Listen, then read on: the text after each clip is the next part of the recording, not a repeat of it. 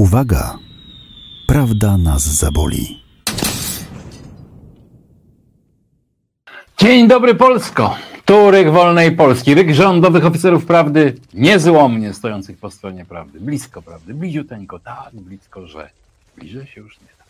A jak co tydzień ich strzały prawdy przekazywał wam Na początek niezmordowany, choć nadal porucznik prawdy, Dawid Wildstein strzela z okupu niezależna.pl tak. Hipokryzja i nagminne kłamstwa to już znaki rozpoznawcze naszego byłego premiera. Nikogo już nie dziwią kolejne puste slogany wygłaszane przez Tuska w jego seansach nienawiści, tezy, które zresztą bardzo często są zupełnie sprzeczne ze sobą, dostosowane do aktualnej publiki. Jedynym realnym programem byłego króla Europy jest hejt na PiS. Tylko to się nie zmienia. Poza tym nie ma nic merytorycznego. Ciężko od takiej osoby oczekiwać jakiegoś poziomu, standardów. Niemniej, niedawno Tusk przeszedł sam siebie. Udowodnił to, komentując głośną ostatnią sprawę rosyjskiej rakiety, która spadła na terytorium Polski. Przypomnijmy, wypowiedź lidera PO komentującego w ten sposób słowa ministra Błaszczaka. Chowa się za polskimi generałami. Macie stać murem za polskim mundurem, a nie chować się za polski mundur. Koniec cytatu z Tuska. Przyznam szczerze, że fakt, iż Tusk ośmiela się w tej sprawie zabrać głos, nawet mnie zaskoczył. Nie ma żadnych granic, których ten polityk nie przekroczy, żadnego kłamstwa, które byłoby dla niego, mówiąc kolokwialnie, zbyt grube. I dalej strzela Dawid Wilczstein tak. Zrobił to Tusk. Człowiek, który po Smoleńsku wykorzystywał propagandę Putina, by zrobić z ofiar tej tragedii sprawcę którego formacja jej media ośmielały się kolportować fejki o kłótni między dowódcami, czy najbardziej podłe o pijanym generale Błasiku. Tusk, człowiek, który mając do wyboru polski mundur czy Moskwę, konsekwentnie wybierał wschodnią despocję, robiąc co potrafił, by ułatwić jej szkalowanie polskich żołnierzy. Uwaga! Prawda nas zaboli. Tu najpolskie Radio Prawdy. Tu najpolskie Radio Prawdy. Jeszcze się bronimy. Jeszcze nadajemy. I oto pani kapitan prawdy Joanna Lichocka też strzela z okopu niezależna.pl. Tak strzela. Klęska nienawiści. Coraz bardziej spektakularna jest przepaść między obozem Zjednoczonej Prawicy a totalną opozycją. Ostatnie dni uwypukliły kontrast między programem nienawiści i pogardy proponowanym przez Donalda Tuska, a merytoryczną, modernizującą Polskę wizją Jarosława Kaczyńskiego. Młode dzieci PO, dzieci cinkciarzy i aparatu PZPR-owskiego nie zastąpią dawnych polityków tego kiedyś szeroko pojmowanego obozu, ani Mazowieckiego, ani Geremka, ani Krzyżanowskiego. Przepaść intelektualna w jaką stoczył się tak zwany obóz liberalno-demokratyczny, jak lubią się nazywać po 1989 roku, jest szokująco głęboka. I miotający się na kolejnych spotkaniach Tusk chyba dobrze o tym wie. Rozpaczliwe próby poniżania wyborców i polityków Prawa i Sprawiedliwości mają na celu przykryć ten prymitywizm własnego środowiska, odwrócić uwagę od skali upadku. Mówi o politykach PiS złodzieje, a to, jego kilku, a to jego kilkunastu już ministrów siedzi lub ma zarzuty o złodziejstwo. Mówi o nieudacznikach, a wystarczy zapytać dowolnie wybranego kierowcę taksówki w Warszawie o jakość rządów PO w tym mieście, to słowo nieudacznicy usłyszeć jako, można jako najłagodniejsze określenie. Wreszcie mówi o wyborcach PiSu, że żyją na koszt państwa, chlejąc i bijąc żony oraz dzieci i że to siła tego ugrupowania. W relacji ze spotkania, na którym te haniebne słowa padły, było widać, jak żywiołowo zareagował na nie aktyw partyjny. Ale emocja, z którą mówił Tusk, mogła być też prawdziwa, gdyż zna on dobrze patologię, którą raczył przypisać Prawu i Sprawiedliwości. Jak wynika z jego własnych wspomnień, sam wywodził się z rodziny, gdzie było picie i picie. Jego ojciec regularnie bił go, a mały Donald mógł jedynie wybierać, jakim pasem, grubym czy szerokim, będzie bity. Zrozumiałem słowo wybór, wspominał. Trauma dzieciństwa Tuska godna jest współczucia, wynikająca być może także z niej nienawiść i chęć poniżenia przeciwnika za wszelką cenę zasługują na potępienie. A teraz mój ulubiony oficer prawdy o nieznanym mi stopniu. Witold Gadowski strzela z okopu niezależna.pl tak. Ukochane warchlaki i psieci. Od dłuższego czasu z rosnącym rozbawieniem przyglądam się nowym pomysłom myślicieli, których we własnej świadomości nazywał, nazywam genderastami. Utworzyli kilkadziesiąt nowych płci, promują najbardziej wymyślne dewiacje dotyczące ludzkich zachowań seksualnych, ale chyba ta działalność musi być mocno nużąca, bowiem właśnie zabrali się za całkowitą przebudowę kształtu naturalnie funkcjonującego przez e, wieki modelu rodziny. Drugim intrygującym zjawiskiem jest ideowa ewolucja gazety wyborczej. Pisma niegdyś sprytnie, dzięki cichemu wsparciu Kiszczaka i Jaruzelskiego, ulokowanego na szczycie polskiej opinii publicznej, a teraz coraz mocniej staczającego się do roli fanzina rozmaitych, rozmaitych dziwactw obyczajowych. Wyborcza niemal co tydzień przedstawia twórcze rozwinięcie rozmaitych lewicowych szaleństw, stając się na polskim rynku wiodącym periodykiem zdziwaczenia i egzotycznych dewiacji intelektualnych. Przy pomysłach tego nowego pokolenia redaktorów Gazety Wyborczej nudnawe i grafomańskie wypociny guru tego środowiska Adama Michnika dziś wydają się być jedynie dziaderskim bajaniem konserwatysty. Nie jestem zresztą pewien, E, tego, czy pan Michnik w ogóle jeszcze czyta dziennikarskie wybroczyny swoich redaktorów. Kiedy więc w jednym momencie spotykają się dwie mętne fale genderastów i redaktorstwa Gazety Wyborczej, efekt musi być piorunujący. Najnowszym wykwitem, strzela dalej Witold Gadowski, najnowszym wykwitem sprzężonej myśli postępowców jest zachwalana obficie na łamach Gazety Wyborczej rodzina międzygatunkowa. Zamiast pobrać zawrzeć małżeństwo. I radością witać pojawiające się dzieci, rewolucjoniści z Gazety Wyborczej proponują, aby zachować się ekologicznie, w sposób przyjazny dla, dla planety i nie płodzić dzieci. Wtedy nie produkujemy zabójczego śladu węglowego, który niszczy planetę, bo przecież człowiek jest najgorszym, co tej planecie się przytrafiło, a skoro już jest, to przynajmniej starajmy się zredukować jego pogłowie. Rodzina międzygatunkowa to taka, w której panuje najpełniejsza radość, a e, przychówkiem jest usynowiony bądź też ucórczona psina, którą poetycko usposobieni politrucy z GW nazywają psiecko. I dalej niezmordowanie strzela Witold Kadowski. to już nie tylko stworzenie, tworzenie stadła z ukochanymi psiunciami, kocurkami. Drogę postępu można śmiało wyrokować dalej. Można zawrzeć układ z hipopotamem. Jeśli ktoś bardzo solidnie jest przygotowany do walki z ociepleniem klimatu, to najpiękniej będzie wyglądać związek człowieka z rośliną, takim dębem na przykład.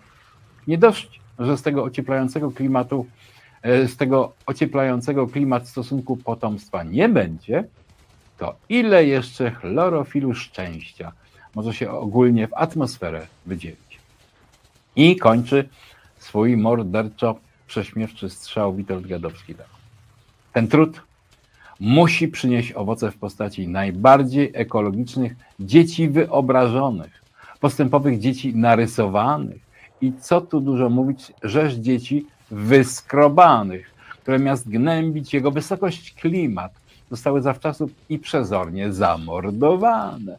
Na razie wystarczą wam, wystarczyć wam muszą psiecki, ale przyjdzie też czas na kozy z nosa. Tyle e, Witold Gadowski. Może jeszcze o Stanisław Janecki, też niezmordowany. oficer prawdy. I Stanisław Janecki strzela jak zwykle z ulubionego sobie okopu polityce.pl tak. Polacy nie zasłużyli, żeby rządzili nimi jajcarze i parodyści z Platformy Obywatelskiej, z Tuskiem jako naczelnym klaunem. W wypadku Donalda Tuska parodia jest piętrowa, bo na drugim piętrze parodiuje on samego siebie. A przecież oryginał Tusko, Tuska to też jest parodia. Nie ma chyba w Polsce polityka, który własnogębnie nie walczyłby bardziej z inflacją niż Donald Tusk. Nawet nie własnoręcznie, tylko własnogębnie. I w ramach walki z inflacją proponuje wrzucenie na rynek dodatkowych 100 miliardów złotych, bo tyle kosztowałyby dotychczasowe obiecanki, między innymi 20%, 20% podwyżka dla budżetówki, kredyt 0%, czy właśnie podwyższenie kwoty wolnej i podniesienie 500+. Tusk oczywiście żadnych 100 miliardów Polakom nie przekaże, czyli nie trafią one na rynek. On takie sumy, nawet trzy razy większe, może co najwyżej pozwolić ukraść oszustom podatkowym lub nie przeszkodzić im w wywozie z Polski. Sprawić, żeby te setki miliardów złotych trafiły do polskiego budżetu, nie tylko on nie jest w stanie, ale chyba nawet nigdy nie zamierzał. Bo niby co tak, za co tak lubiliby go różni hochsztaplerzy, jeśli nie za uczynienie z Polski raju dla oszustów i pasożytów podatkowych. I kończy swój morderczy strzał Stanisław Janecki tak. Gdy podsumować różne działania, wychodzi na to, że Donald Tusk i wielu jego kolegów nie zajmuje się polityką, tylko jajcarstwem, pajacowaniem, błaznowaniem. Tyle Stanisław Janecki. Były to wszystko strzały prawdy, wydrukowane czarno na białym lub odwrotnie. Uwaga! Prawda nas zaboli. Słynna biała koszula, jak powiedziałem dzisiaj w rozmowie telefonicznej, że Tomasz Piątek kończy drugą część książki o Kaczyńskim, więc nie zdoła dotrzeć do studia, ale zdołał wybrać wiersze, opatrzyć je autorskim komentarzem, więc prawierz będzie. Prawdziwie prawicowy prawie wiersz. Dzisiejszy prawierz otwiera nasz ulubiony poeta, doradca zarządu TVP Marcin Wolski, który odniósł się do dobrodziejstw 800+, i celnie napiętnował malkontentów, a nawet wzniósł się na wyżyny szczerości i przyznał, że PiS daje, bo musi. W mediach polskojęzycznych królują sondaże. Co trzeba w propagandzie? Sondaż to wykaże. Ostatnio ujawniono, nie jest to lapsusem, że Polacy nie pragną osiemsetki z plusem. Nie chcą tej zapomogi, bo ich upokarza, zniechęca do roboty bezdzietnych, obraża. Pozwala bić i wypić i płodzić bachory. A najgorsze? PiSowi da wygrać wybory. Wolałbym pod kruchtą siedzieć niczym żebrak, niż być władzą, co zechce tę forsę odebrać. Pięknie, jak zwykle w dużej, wysokiej formie, poeta doradca zarządu TVP.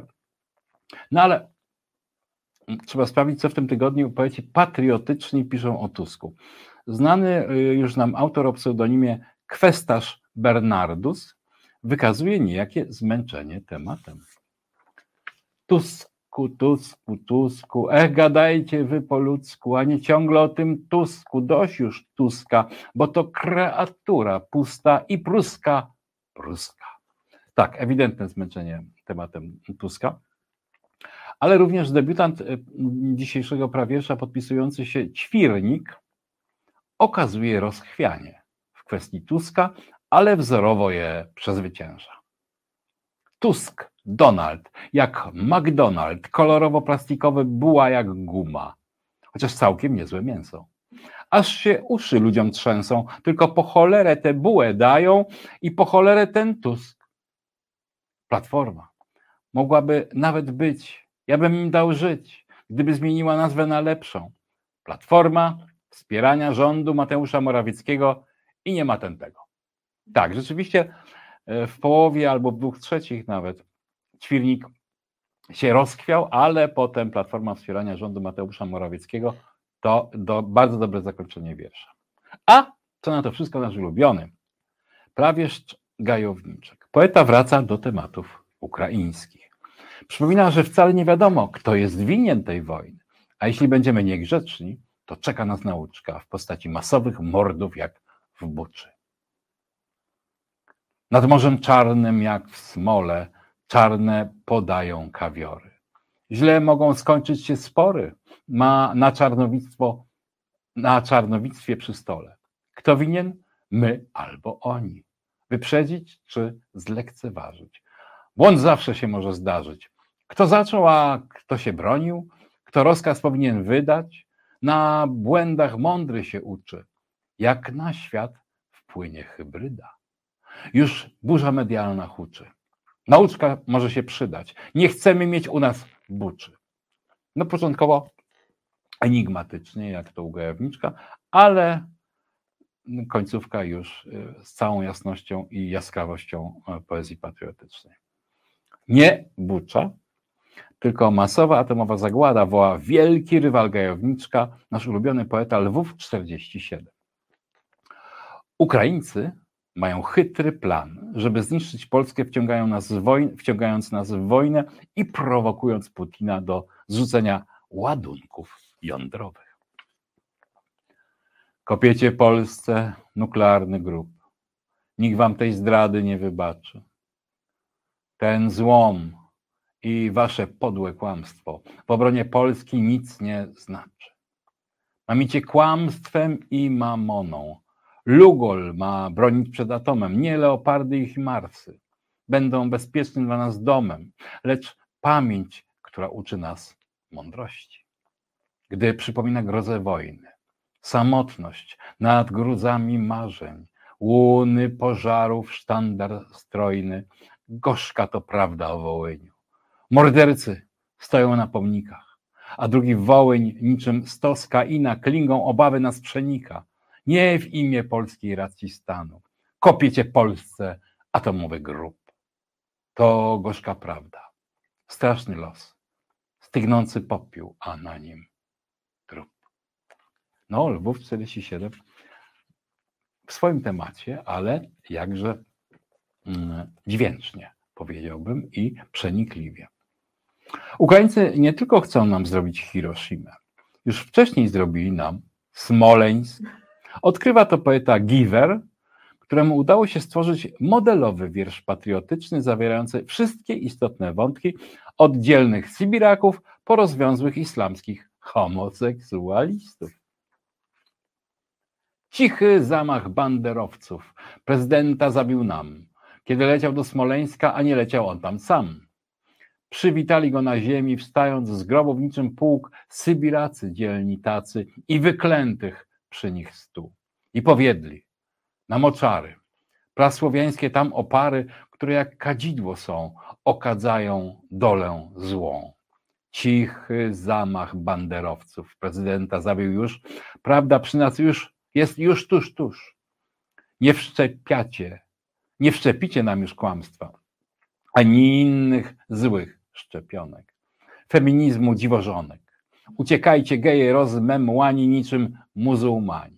No, rzeczywiście Tomek Piątek trafnie zauważył, że wszystkie wątki poezji patriotycznej są tu. Feminizm, szczepionki, e, sybiracy, mm, wyklęci, e, banderowcy, ale mm, koncepcja, że to banderowcy dokonali zamachu na e, samolot prezydencki w Smoleńsku, wydaje mi się no mogę powiedzieć odkrywcza, ale równie dobrze mogę powiedzieć szalona. A co u naszych Słowian, przedwiecznych, pogańskich lub dopiero co ochrzczonych? Nie pozwala o nich zapomnieć nasz ulubiony poeta Kamil Olszówka. W tym tygodniu poeta przywołuje legendarnego króla Samona, który próbował zjednoczyć Słowian i jako pierwszy z długiej listy poniósł w tym tak zwaną epicką porażkę. Łzy sławnego króla Samona spłynęły kroplami deszczu po zamku na Hradczanach, gdzie wciąż snuje się nocami duch Bożywoja. To z niedosięgłych zaświatów króla Samona łzy. Zrosiły rzęsistym deszczem czerwone dachy Bratysławy, Zimny deszcz będący łzami Samona odbijał się z pluskiem od grani krywania. To z niedościęgłych zaświatów króla Samona łzy. Padały grudniowym deszczem rzęsistym, otulone przez gryzące kominów dymy równoległych, a niewydolnych kombinatów fabrycznych.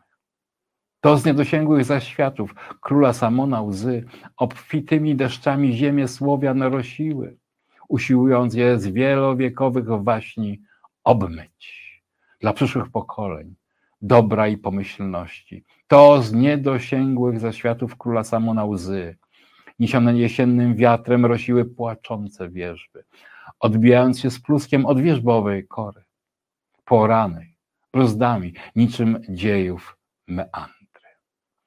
Gdy Słowianin do Słowianina z karabinu mierzy, król Samon w zaświatach rzewne roni łzy. I nie tylko, że e, poganie, e, ale też e, mm, pacyfiści, przynajmniej autor Kamil Olszówka. Wypadałoby jednak spytać w związku z e, finałem wiersza, czy król Samon się cieszy, gdy Słowianin mierzy z karabinu na przykład do Germanina albo Hiszpana.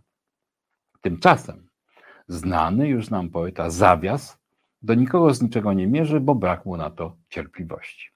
Poeta Zawias kopie. Ten poemat jest jak kopniak, który trafia prosto w ropnia, Ropień eksploduje ropą ponad Polską i Europą. Na tej ropie samochody pędzą jak wielbłądek młody, kopnę zaropiałą ranę, co ją zatruł wróg nad ranem. Chciał ją w moim brzuchu skitrać, jakiś poseł może nitras. Chciał ją wszczepić jak robala, żebym całkiem już oszalał i ustawił się w pozycji sodomickiej opozycji. Mam mózg wrzący od radości, kiedy widzę takich gości i skuterem albo czołgiem pędzę za nim z wielkim gongiem, wołam głośno bam, bam, bam, niech nie polski znika ham. Piękny wiersz. Piękny, mocny i zapowiadający wielki talent. Ale kto w tym tygodniu najpiękniej pisze o miłości do Polski? Debiutant dzisiejszego prawiersza o pseudonimie Polski Historyl Uwaga, historyk, nie historyk. Autor robi więcej błędów w tekście. Stosownia, stosowana przez niego pisownia sugeruje, że język polski nie jest językiem ojczystym polskiego historyla. Biało-czerwona flaga wywieszona. Duma w sercu wyostrzona. Polskie pieśni lecą w tle. A ja Polsko kocham cię. Kocham Polskę ponad życie. Polak jestem, w sercu polskie wycie. Kiedyś, Polska kiedyś rozebrana, przez powstania jest scalana. Swojej ceny Polska nie ma, bo bezcenna polska wiedza.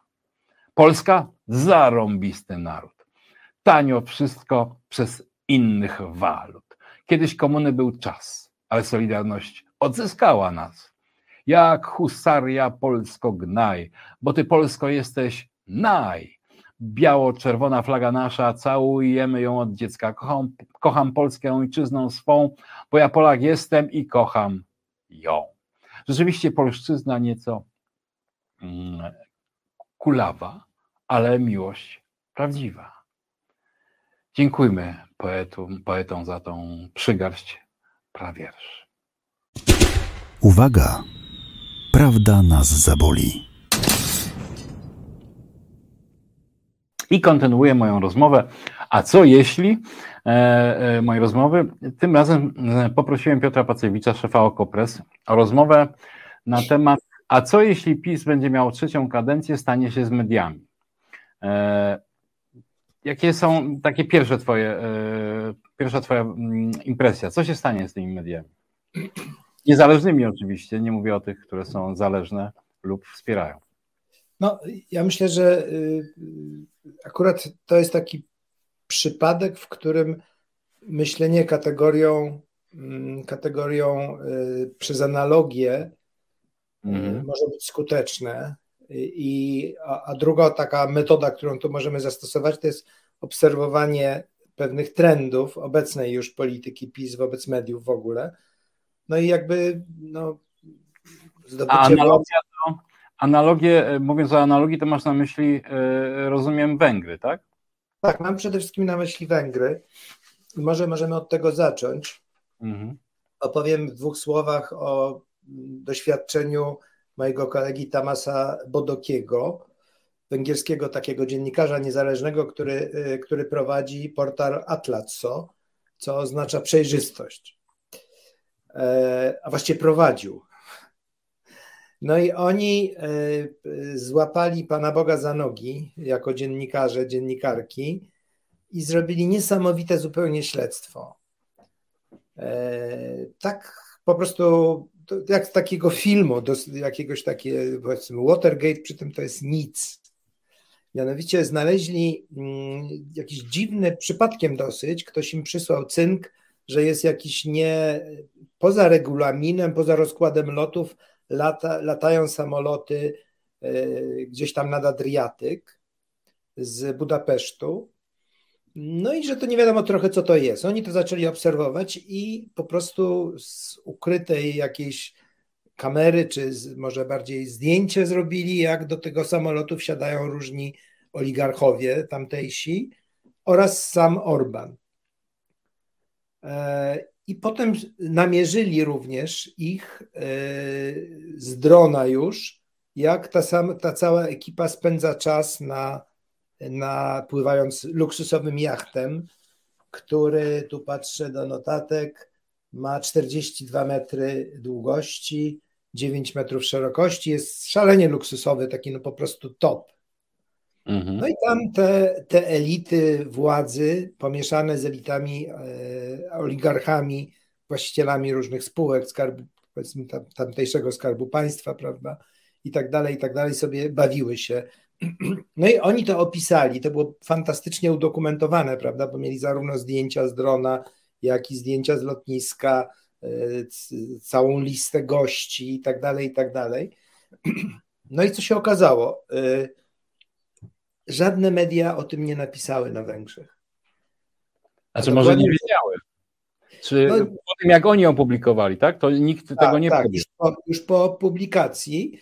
Natomiast media, natomiast y, rozpętała się wielka nagonka na nich, y, ponieważ ta, ta fundacja, która wydaje, tak jak Okopres też ma wydawcę fundację, tak samo tam ta przejrzystość ten portal i ma wydawcy, jako wydawcę fundację. Ta fundacja między innymi była w jakiejś części finansowana przez Open Society Sorosza. No to na Węgrzech to jest płachta na byka, że tak powiem. W związku z tym yy, wszystkie te media zależne od władzy, czyli praktycznie prawie wszystkie media, zaczęły publikować teksty zatytułowane yy, Soros, za pieniądze Sorosza z drona obserwują wypoczynek władzy, naszej władzy, tak? Mhm. Albo on e, został okrzyknięty takim Soros Puppet, taką kukiełką Sorosza. E, I, i, I, pojawiły się teksty, które no, to nas tak strasznie nie dziwi, bo oglądamy telewizję publiczną w Polsce, ale to było w duchu takim kiedyś prawda, chcieli sprowadzić do, na Węgry imigrantów, myśmy to zatrzymali, a teraz czepiają się y, Wiktora Orbana i tak dalej. Orban y, wystąpił też, powiedział, że to wszystko jest y, po prostu atak Sorosza i tak dalej, i tak dalej. A jaki to miał zasięg ten tekst? No, zasięg tego, tego e, portalu jest nieduży. Był już wtedy nieduży, w tej chwili już tego portalu nie ma. E, to, Tomas dostał za to bardzo prestiżowe nagrody europejskie, bo to się rzeczywiście kwalifikowało jako w kategorii dziennikarstwa śledczego. Fantastyczny materiał. Tam były e, też hostesy, które zabawiały gości, kelnerzy, luksusowe jedzenie i to wszystko zostało udokumentowane. Oczywiście nikt za to nie płacił. E, więc, mm, więc dostał za to te nagrody, natomiast potem się ten zespół właściwie rozleciał, zniechęcił i, i już tego Atlaso nie ma. E, to jest. A co masz tego jako analogię do Polski? No, to byłaby, to, to jest, to pokazuje, do czego y, może doprowadzić y, jaki, jaki, że tak powiem, pejzaż medialny może powstać wtedy, kiedy państwo ma państwo autorytarne, bo to już absolutnie bez, żadnego, bez żadnych wątpliwości jest państwo autorytarne, e, ma prowadzić systematyczne działania, które polegają na stopniowym przejmowaniu mediów. Bo tam to się odbyło w ten sposób, że e, Fidesz, który miał w ogóle przecież generalnie taką kartę kiedyś e, wspierania mediów opozycyjnych, póki sam był w opozycji. Tak, pamiętam, tak. I to były bardzo porządne rzeczy oni robili. Między innymi ten, że Tomasz Bodoki dostał jedną z nagród właśnie za działania, za dokumentowanie przemocy wobec demonstracji organizowanych przez Fidesz. I potem po prostu stopniowo, stopniowo, krok po kroku, metodami czysto ekonomicznymi, media były przejmowane. Potem została powołana fundacja, która się nazywa Środkowa Europejska Fundacja Prasy, tak trochę zmyłkowo, zasilona ogromnymi środkami E, przez budżet państw, budżetu państwa i ta fundacja zaczęła wykupywać i przejmować kontrolę nad jeszcze tam resztkami niezależnych mediów. Co jest interesujące, że to w gruncie rzeczy e, tą drogą, prawdopodobnie nie, nie bez e, jakiegoś jakiejś takiej świadomego naśladownictwa, poszły też władze PiS w momencie, kiedy Orlen przejął polska presę, prawda?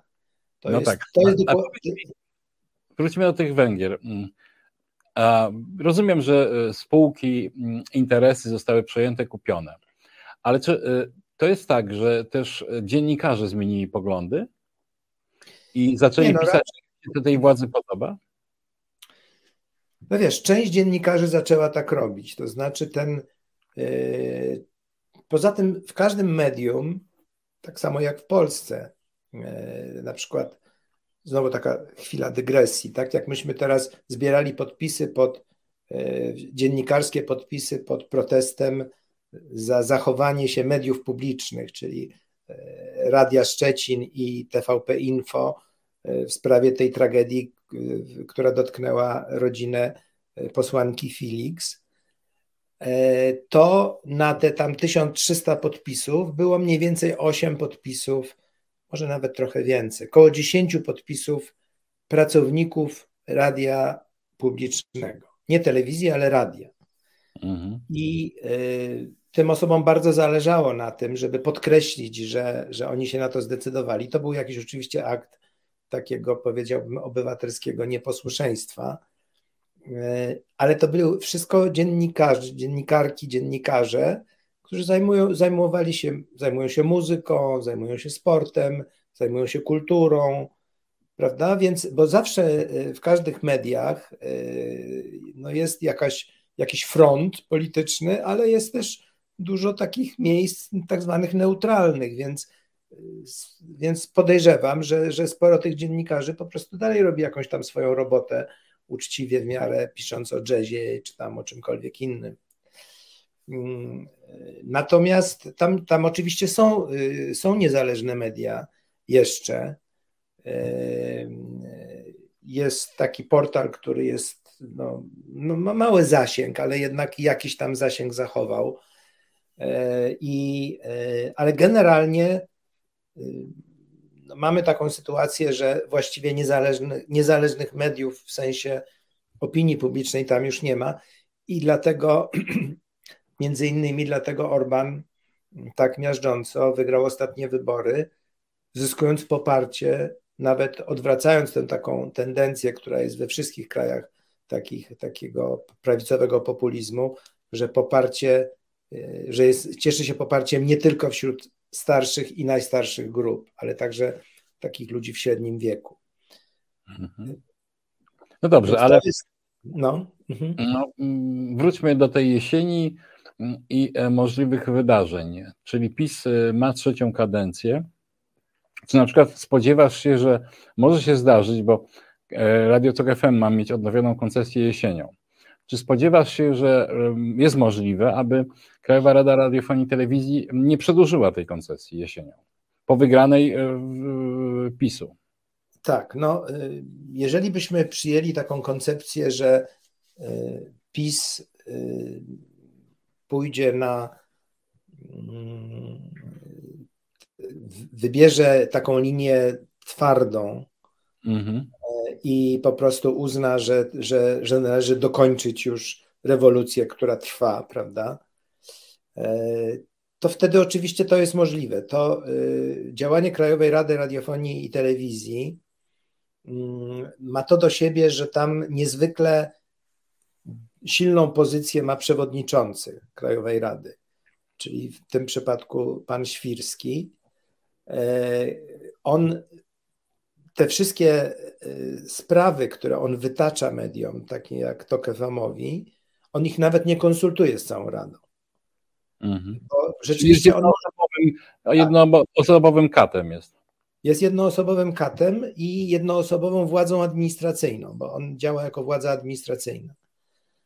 W związku z tym mm, po prostu no, on co prawda zarzekał się w wywiadzie dla prawicowych mediów, że w ogóle nie ma takiego nawet pomysłu, żeby te, tej koncesji nie dawać, no ale to potem powiedział, że to oczywiście należy rozważyć, e, jak każdą decyzję, prawda, bardzo starannie.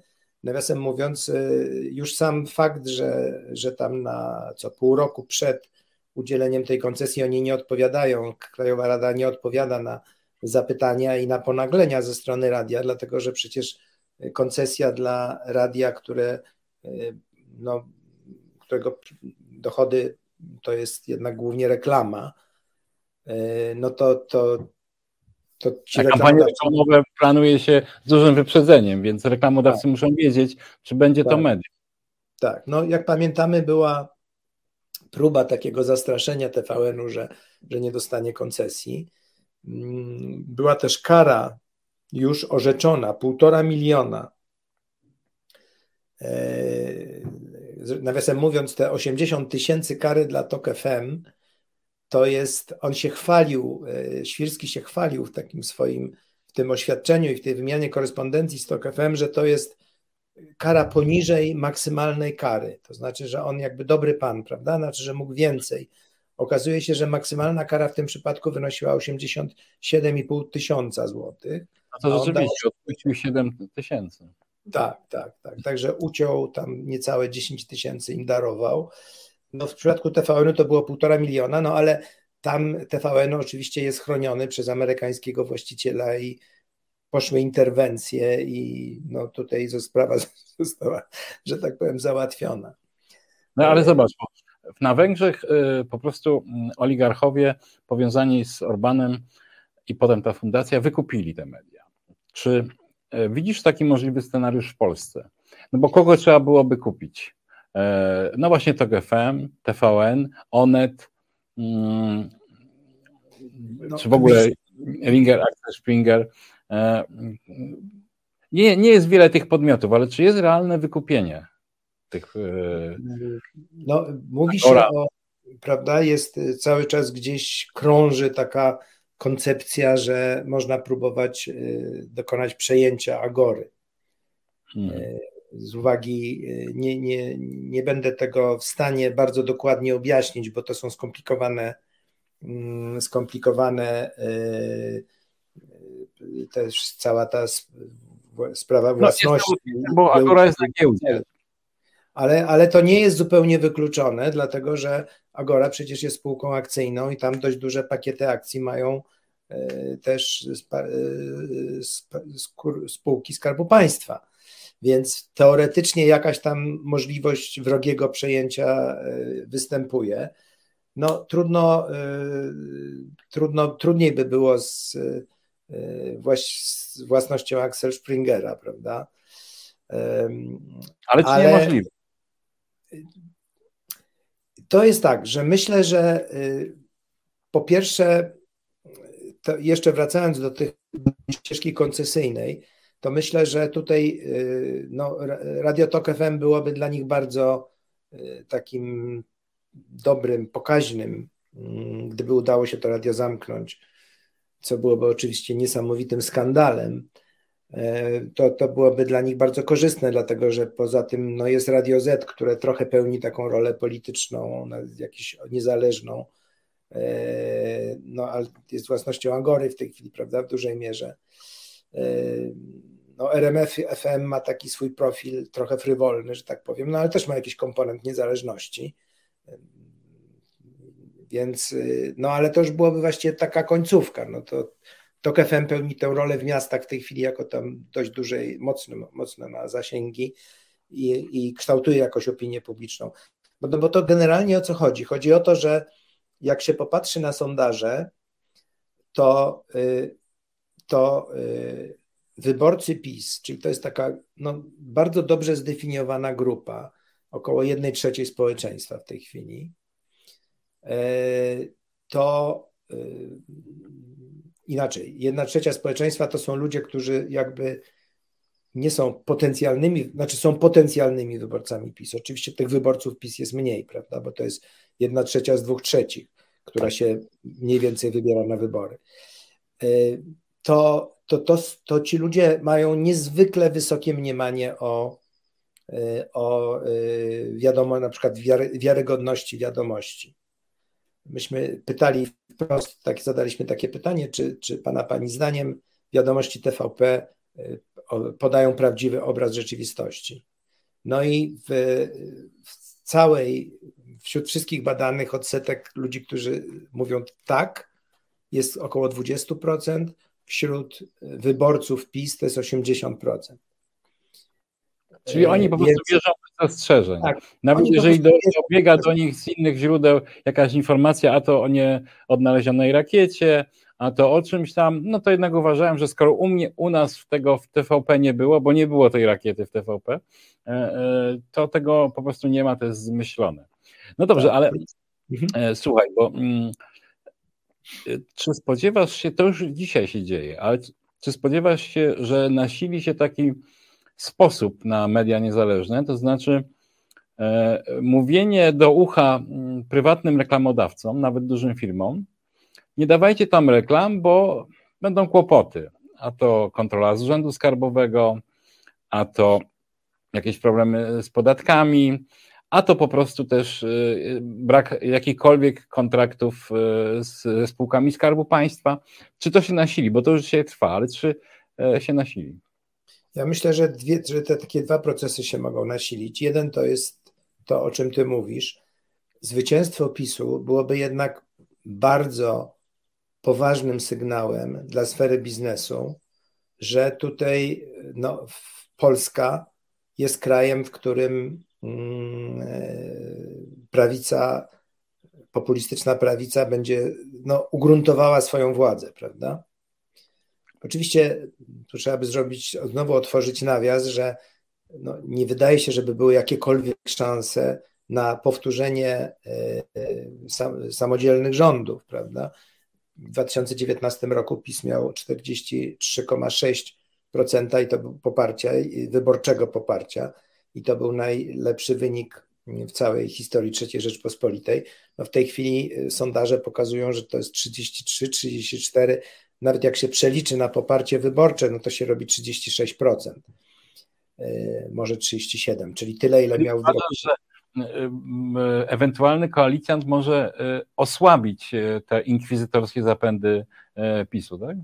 Może, to znaczy, jeżeli sobie, jeżeli sobie wyobrazimy tę koalicję Konfederacji z PiSem, to wydaje się, że to, co PiS przeżywał z LPR-em, i z samoobroną, to, to, to były pieszczoty w stosunku do tego, co tutaj się teraz może dziać, dlatego że ta y, jest nawet dość realistyczny taki scenariusz, że może powstać próba tak, budowy takiej koalicji, a Konfederacja by to tak rozgrywała, że w efekcie doszłoby do kryzysu i być może powtórzenia wyborów, w których koalicja liczyła, Konfederacja liczyłaby na jeszcze lepszy wynik, tak?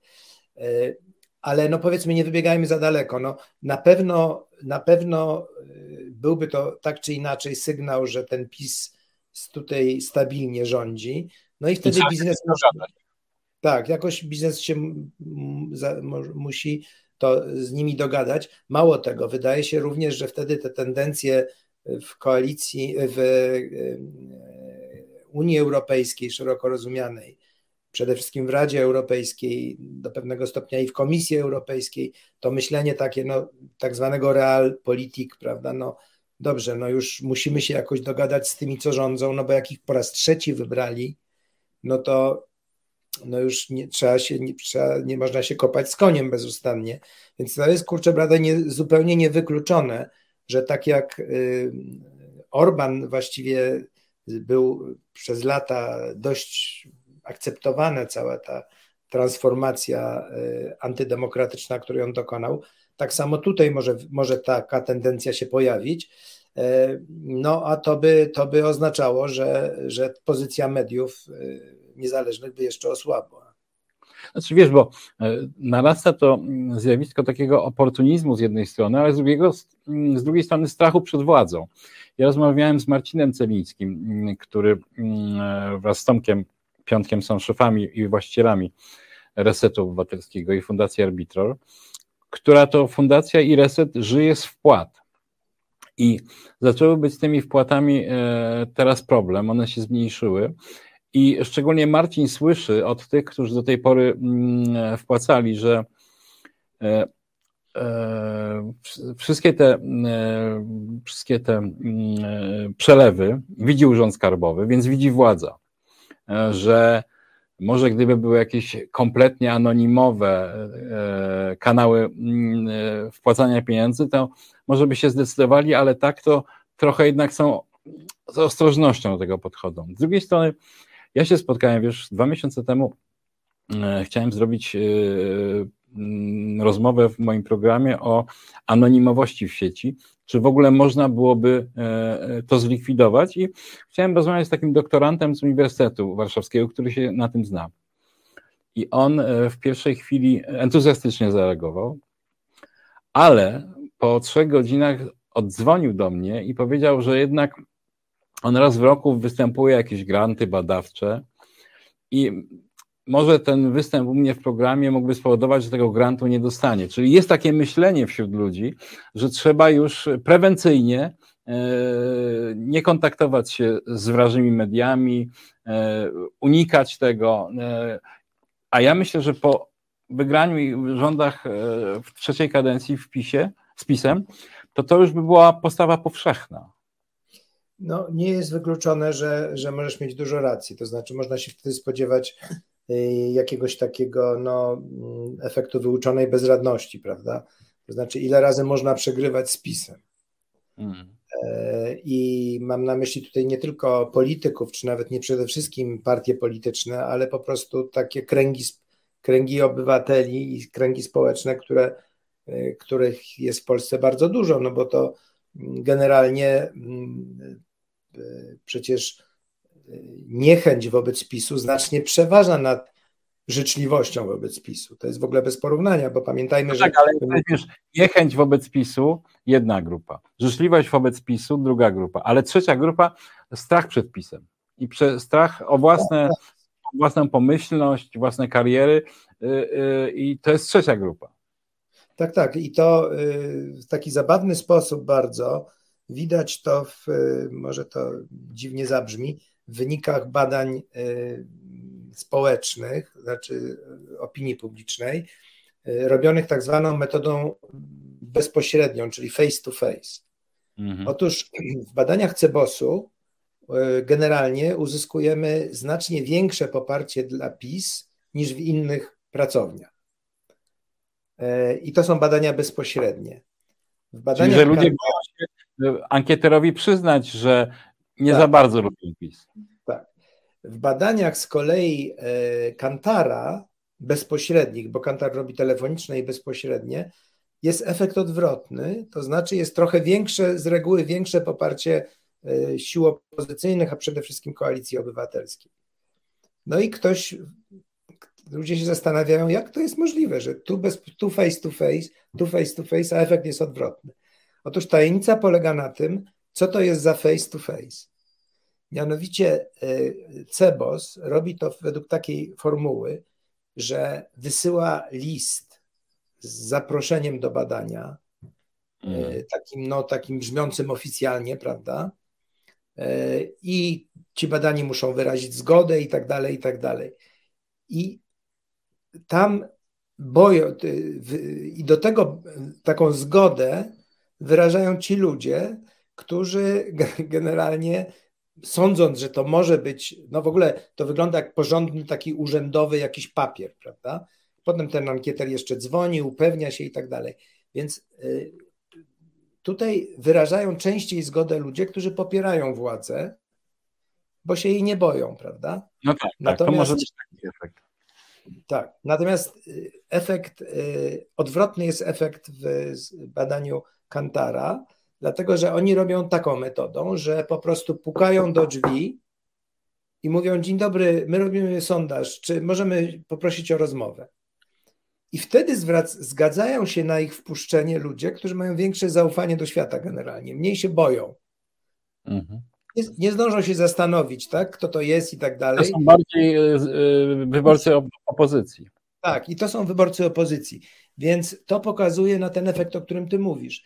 Oczywiście jest też po prostu banalny efekt mrożący, bo pamiętajmy, że y, taka umowna dziennikarka y, TOK FM, która narazi się czymś władzy, y, to ona gdzieś oczywiście ma w tyle głowy, że, jest, że się rozstrzyga kwestia koncesji, że, że, że tam Krajowa Rada atakuje, że i tak dalej, i tak dalej. Ale to jest nie tylko taka luźna kalkulacja, ponieważ działa tutaj cały ten system makabryczny, tych takich slapów po który polega na tym, że ona dostaje w zorganizowany sposób hejterskie y, maile czy, czy wiadomości, prawda? Że y, jest wyzywana w mediach publicznych, że w każdej chwili mogą sięgnąć po jakieś jej sprawy prywatne sprzed 10 lat, tak jak kolega Czarnek, prawda, który stał się takim po prostu okrutnym, bez, bezwzględnym hamem i wyciąga posłance publicznie jakąś sprawę z przeszłości, w Sejmie opowiada o jej, tym, że jej mąż, były mąż, e, zrobił jakiś przekręt, prawda? I że jak ona ma czelność y, żądać prawdy, skoro, skoro tamten mąż y, kłamał i że wy wszyscy kłamiecie, wy wszyscy kradniecie i tak dalej. Więc to, to się, krótko mówiąc, ten efekt mrożący to nie jest taka luźna, to, jest, to nie jest tylko taki luźny, luźna kalkulacja, że może się lepiej nie wychylać, ale to jest emocjonalna reakcja na y, możliwy na zorganizowany atak, prawda? Bardzo nieprzyjemny atak. Więc, y, więc to wszystko, gdybyśmy y, myśleli o, o pesymistycznym scenariuszu, czyli że PiS wygrywa wybory, a zwłaszcza gdyby je wygrał y, i zdobył samodzielną większość, co nie wydaje się możliwe, mhm. zupełnie niemożliwe, to to wszystko oczywiście będzie działało w dużym stopniu nasilenia i, no i wtedy jest oczywiście, są dwa pytania. To znaczy, po pierwsze, czy tak będzie, bo sondaże w tej chwili pokazują, że to jest absolutnie 50-50. No, bardzo trudno przewidzieć, czy PiS razem z Konfederacją zdobyłyby, zdobyłyby większość mandatów, czy też e, trzy w tej chwili e, siły opozycyjne by zdobyły tę większość. Więc to jest pierwsze pytanie. No i drugie pytanie, to jest jaka, jaki jest potencjał jednak y, w Polsce tego tak zwanego społeczeństwa obywatelskiego, czyli ludzi, którzy, którzy są jednak, no, by się nie poddali, prawda, temu i na przykład wspieraliby niezależne media. No tego, tego y, pierwsze pytanie to jest loteria, drugie pytanie jest niewiadomą. Mhm. A powiedz e, też przy założeniu, że Armagedon nastąpi, e, czy obawiasz się takiej e, dosyć powszechnej demoralizacji zawodowej dziennikarzy i redaktorów? Bo to już trochę postępuje. Różne standardy dziennikarskie w różnych redakcjach się odpuszcza, ale czy to będzie też zagrożenie po prostu dla takiej, takiego etosu zawodowego w Polsce, dziennikarzy i redaktorów? No, póki co mamy, mamy y, na, na tym w tym krajobrazie medialnym mamy dosyć dużo y, mediów dobrych i nawet bardzo dobrych, y, które, mm, którym ta sytuacja obecna służy, prawda? Bo dla mediów życie w kraju niedemokratycznym, którym powiedzmy zmierza w kierunku e, autokracji wyborczej, tak zwanej, czyli takiego systemu, e, który Orban już bardzo dobrze stworzył, e, można powiedzieć, w takiej rozwiniętej postaci, takiego systemu, w którym z, z demokracji zostają wybory. Oczywiście one nie są fair, ale są, są powiedzmy ale policzone, a wszystko inne właściwie jest eliminowane, prawda? To znaczy media są ograniczane, sądy, władza sądów, kontrolna funkcja sądów jest ograniczana. Ale mówiłeś, że to niektórym mediom służy. Jak? Tak, no służy, dlatego że no, to jest bardzo etosowa sytuacja, kiedy masz poczucie, że, że bronisz prawdy i że bronisz interesów, interesu publicznego przed władzą, która już w zupełnie zadeklarowany sposób no, mówi, że chce zdobyć władzę po to w gruncie rzeczy, żeby ugruntować swoją władzę. No dobrze, ale rzeczywiście zyskujesz wtedy taki, taki wewnętrzny power. E, e, sam to znam. Natomiast e, to jest jednak czas próby. I być może jest tak, że jako środowisko nie przejdziemy tej próby pomyślnie. To w gruncie rzeczy my jesteśmy środowiskiem, ale my jesteśmy jak, jakby tu jakieś metafory użyć, my jesteśmy trochę jak latawiec, prawda? To znaczy, no, latawiec może być lepszy, gorszy i tak dalej, ale latawiec nie będzie latał bez wiatru. I y, tym wiatrem jest, y, jest postawa naszych odbiorców, to znaczy to, że oni i one chcą mieć niezależne media, prawda? Więc. E, Ale czy pytanie... nie jest tak, że coraz mniej osób chce tego? Ja byłem wstrząśnięty e, kilka lat temu, rozmawiałem z Edwardem Miszczakiem, który opowiedział mi o badaniach, które TVN wykonał mm, na swoich widzach, dosyć szczegółowych badaniach, i gdzie widzowie mieli ocenić programy publicystyczne, czyli takie, gdzie dziennikarz konfrontuje się z władzą, z politykami. I z tych badań wyszło coś, e, e, które mnie, co mnie wprawiło w osłupienie. To znaczy, że więcej osób staje po stronie atakowanego pytaniami urzędnika i polityka niż po stronie dziennikarza. To jeszcze kilkadziesiąt lat temu było niemożliwe. A czy nie jest czasem tak, że właśnie jakaś się dokonała zmiana społeczna, E, u odbiorców, polegająca na tym, że oni przestali wierzyć albo nie wiedzą nawet, że media pełnią rolę kontrolną i że właśnie muszą e, w swoich pytaniach e, być atakujący, wymagać odpowiedzi od polityka, nawet jeżeli on się wije, że to gdzieś się rozpłynęło. No, to jest y, obserwacja, która, która prawdopodobnie jest uzasadniona, e, ponieważ jak wynika z kolei z badań e, Eurobarometru, czyli tego takiej mm, badań, które prowadzone są w całej Unii Europejskiej, prawda? Mhm. Otóż Polska jest fenomenalnym krajem. Tylko my i jeszcze do pewnego stopnia Grecja, ale tylko do pewnego stopnia, mamy większe zaufanie do wiadomości z internetu, tak jak je można opisać, a, także z mediów społecznościowych, niż do tradycyjnych mediów. To znaczy, bardziej Polacy bardziej wierzą mediom społecznościowym niż e, mediom tradycyjnym, czyli gazetom, e, e, radiostacjom. Dlaczego tak się stało? Czy zawaliły te media tradycyjne? Zawiodły to zaufanie? Dlaczego tak się stało w ogóle? No, do, oczywiście, że to musi być jakaś nasza wina, prawda? Szeroko rozumiana. E, poza tym, oczywiście jest też tak, że Polska jest krajem dosyć e, który mm, dosyć, dosyć szybko przeszedł taką rewolucję technologiczną i dosyć szybko po, mamy, że tak powiem, krótkie doświadczenie z, z demokratycznymi mediami, prawda? Demokratyczne media y, tradycyjne, gazety i tak dalej, i tak dalej w Niemczech czy we Francji, no to jest nieprzerwane doświadczenie przeszło stulecia. Lat, tak. No u nas one było całkowicie przerwane przez okres komunistyczny y, i no, żeśmy próbowali to w 1989 roku odbudowywać y, i mm,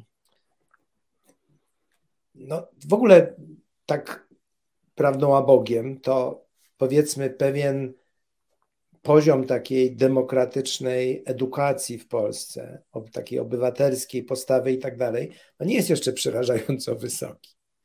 To jesteśmy jeszcze dosyć takim, jesteśmy ciągle jeszcze takim, taką demokracją na dorobku, prawda? Na dorobku, która znalazła się dodatkowo. barbarzyństwo. Tak. tak, na takim sporym zakręcie. Jednocześnie ten taki bujny, szybki rozwój internetu e, i mediów e, internetowych i mediów społecznościowych, e, no tutaj, tutaj do pewnego stopnia podważa też zaufanie do i, i nawyk w ogóle korzystania z mediów, z mediów tradycyjnych. Mhm. Pamiętajmy też, że w Polsce jest niska, niskie zaufanie do szeroko rozumianej klasy politycznej, aczkolwiek, co, jest, co było dla mnie wielkim zaskoczeniem, e, w różnych dojrzałych demokracjach jest jeszcze gorzej. To znaczy, o ile w Polsce mniej więcej 18% ludzi ma zaufanie do parlamentu wśród tych różnych instytucji, które się wymienia, to w Estonii to jest, zdaje się, 10, we Francji jest e, też koło 10, E, dopiero w Niemczech i w Holandii jest tak jakby tam około 30%. Też mało bardzo, ale, ale jednak. Czyli możemy płakać, ale rzadziej niż Francuzi i Estończycy. Tak. A powiedz mi na, na, koniec, bo byłeś mm, przez kilka lat, do, przed 89 rokiem, redaktorem tygodnika Mazowsze, podziemnego redak- e, tygodnika, największego wtedy w Polsce. E, czy biorąc pod uwagę tę możliwą e, władzę PiSu dalej, Potrafisz sobie wyobrazić podziemne media cyfrowe? No, wtedy rzeczywiście to cały paradoks i trudność zresztą polegała na tym, że nie było, że nie było internetu, prawda? Nie było mediów tak. cyfrowych. W związku z tym e, no, trzeba było to drukować i to była, to było ten e, redakcja, no cóż, e, ukrycie pracy kilkunastu osób w prywatnych mieszkaniach w wielkim mieście jakim była i jest Warszawa, nie, nie jest takim wielkim problemem. Gorzej właśnie z. Yy, przepraszam. Yy, gorzej z, yy, z wtedy z dystrybucją, no i przede wszystkim z drukiem, papierem i tak A teraz wszystko na dłoni po prostu można. Teraz wszystko tak. Więc no to, na przykład z TVN-em TVN24 problem było tyle mniejszy, że on mógł bez trudu nadawać spoza terytorium Polski, prawda, gdyby tak. stracił koncesję. E, Radio Tok FM już takiej możliwości nie ma. E, w związku z tym mm, trochę nie wiem, jakby to mogło wyglądać. To znaczy, gdyby powiedzmy, e, no nie wiem, powiedzmy, Agora została przejęta a zespół Gazety Wyborczej chciałby dalej wydawać swoją gazetę jakoś nielegalnie, no, można sobie to wyobrazić y, i to y, niewykluczone, że to by się mogło udać. No, dosyć karkołomne, no bo w gruncie rzeczy na przykład y, Gazeta Wyborcza się utrzymuje z prenumerat, prawda, w tej chwili, w dużej mierze. Znaczy no ze tak, sprzedaży egzemplarzowej ciągnie. Gdyby była nielegalna, to te prenumeraty nie mogłyby istnieć. Tak, no właśnie, nie mogłyby istnieć. Też gazeta jednak dość spory ciągle przychód ma ze sprzedaży egzemplarzowej. No tego by też nie mogło być. Więc trudno mi sobie ten model jakoś tak dobrze wyobrazić, ale. Musiałby to być chyba model czysto partyzancki, dziennikarstwo partyzanckie e, i jednak pozbawione możliwości zarabiania. No właśnie, a ludzie, muszą, a ludzie muszą z czegoś żyć. Różnica w e, porównaniu z czasami PRL-owskimi jest taka, że no, wtedy to życie w ogóle było takie oszczędne. tak, niewiele oferowało, w związku z tym też niewiele kosztowało. E, w tej chwili jednak e, no, my tutaj wszyscy żeśmy, wszyscy, my wszyscy dziennikarze mówię, żeśmy się przyzwyczaili do jakiegoś tam, no powiedzmy średniego przynajmniej statusu materialnego, no i z czegoś trzeba te rodziny utrzymywać i tak dalej. Ale mm, sądzę, że to już jest jednak trochę zbyt czar, za duże czarnowictwo, bo po pierwsze, naprawdę nie wiadomo, czy ten PiS wygra wybory. Po drugie, wiadomo, nawet jeśli... Nie. Ja rozumiem te wszystkie zastrzeżenia, Piotrek, tylko mówię o tym, e, o takich czarnych scenariuszach, bo być może trzeba zacząć sobie już wyobrażać taki ewentualny przyszły czarny świat i, i rozmawiać o tym, żeby nie być zaskoczonym. No myślę, że to by był raczej rodzaj e,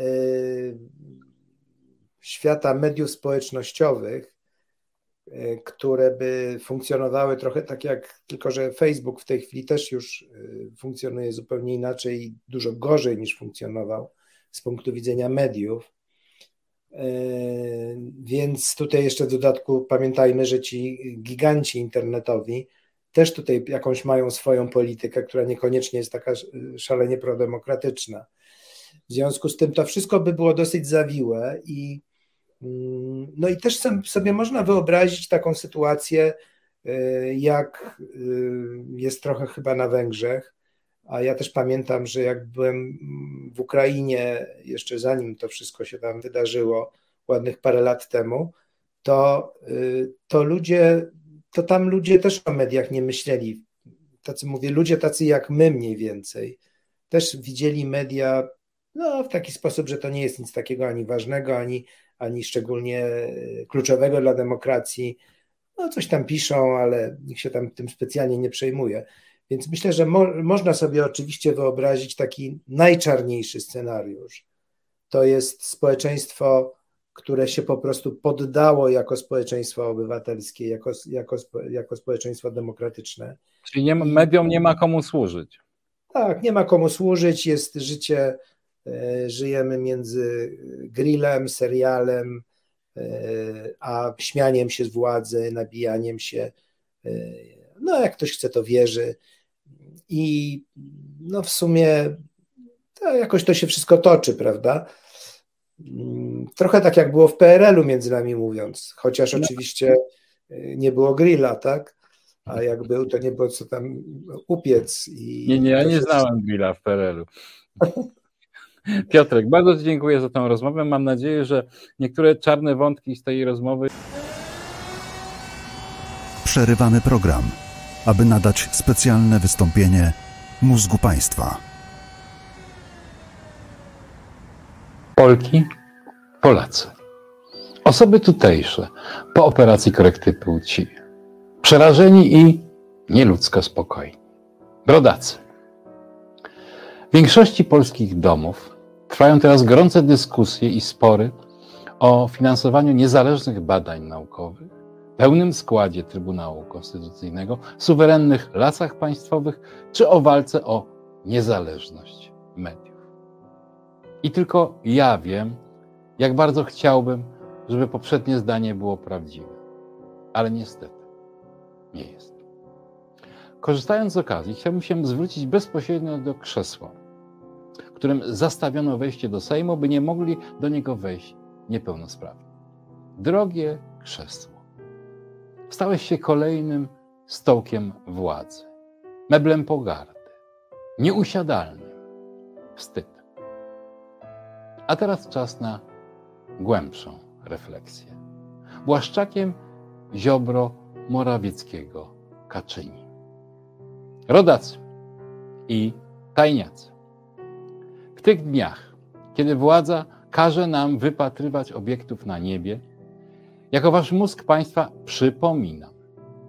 Zamiast patrzeć w niebo, proszę patrzeć pod nogi i uważać na kłody tu i ówdzie rozrzucone przez tę właśnie władzę. To tyle. Dziękuję za odwagę. Uwaga! prawda nas zaboli.